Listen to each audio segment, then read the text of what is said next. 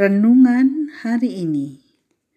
Pertanyaan dari Rasul Petrus dalam bacaan Injil tetap aktual hingga kini. Demikian pun jawaban Yesus tetap relevan dan benar adanya hingga keabadian.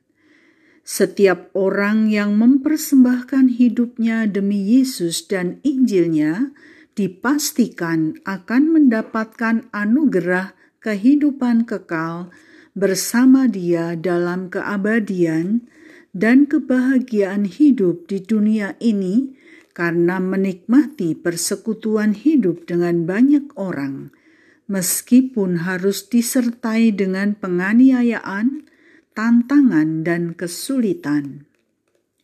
Janji ini telah menggerakkan hati manusia sepanjang sejarah untuk tetap setia kepadanya dan telah dibuktikan kebenarannya.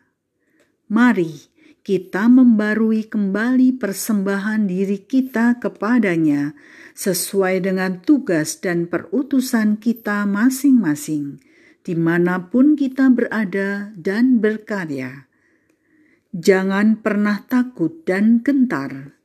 Dia pasti akan memberikan upah yang besar kepada kita.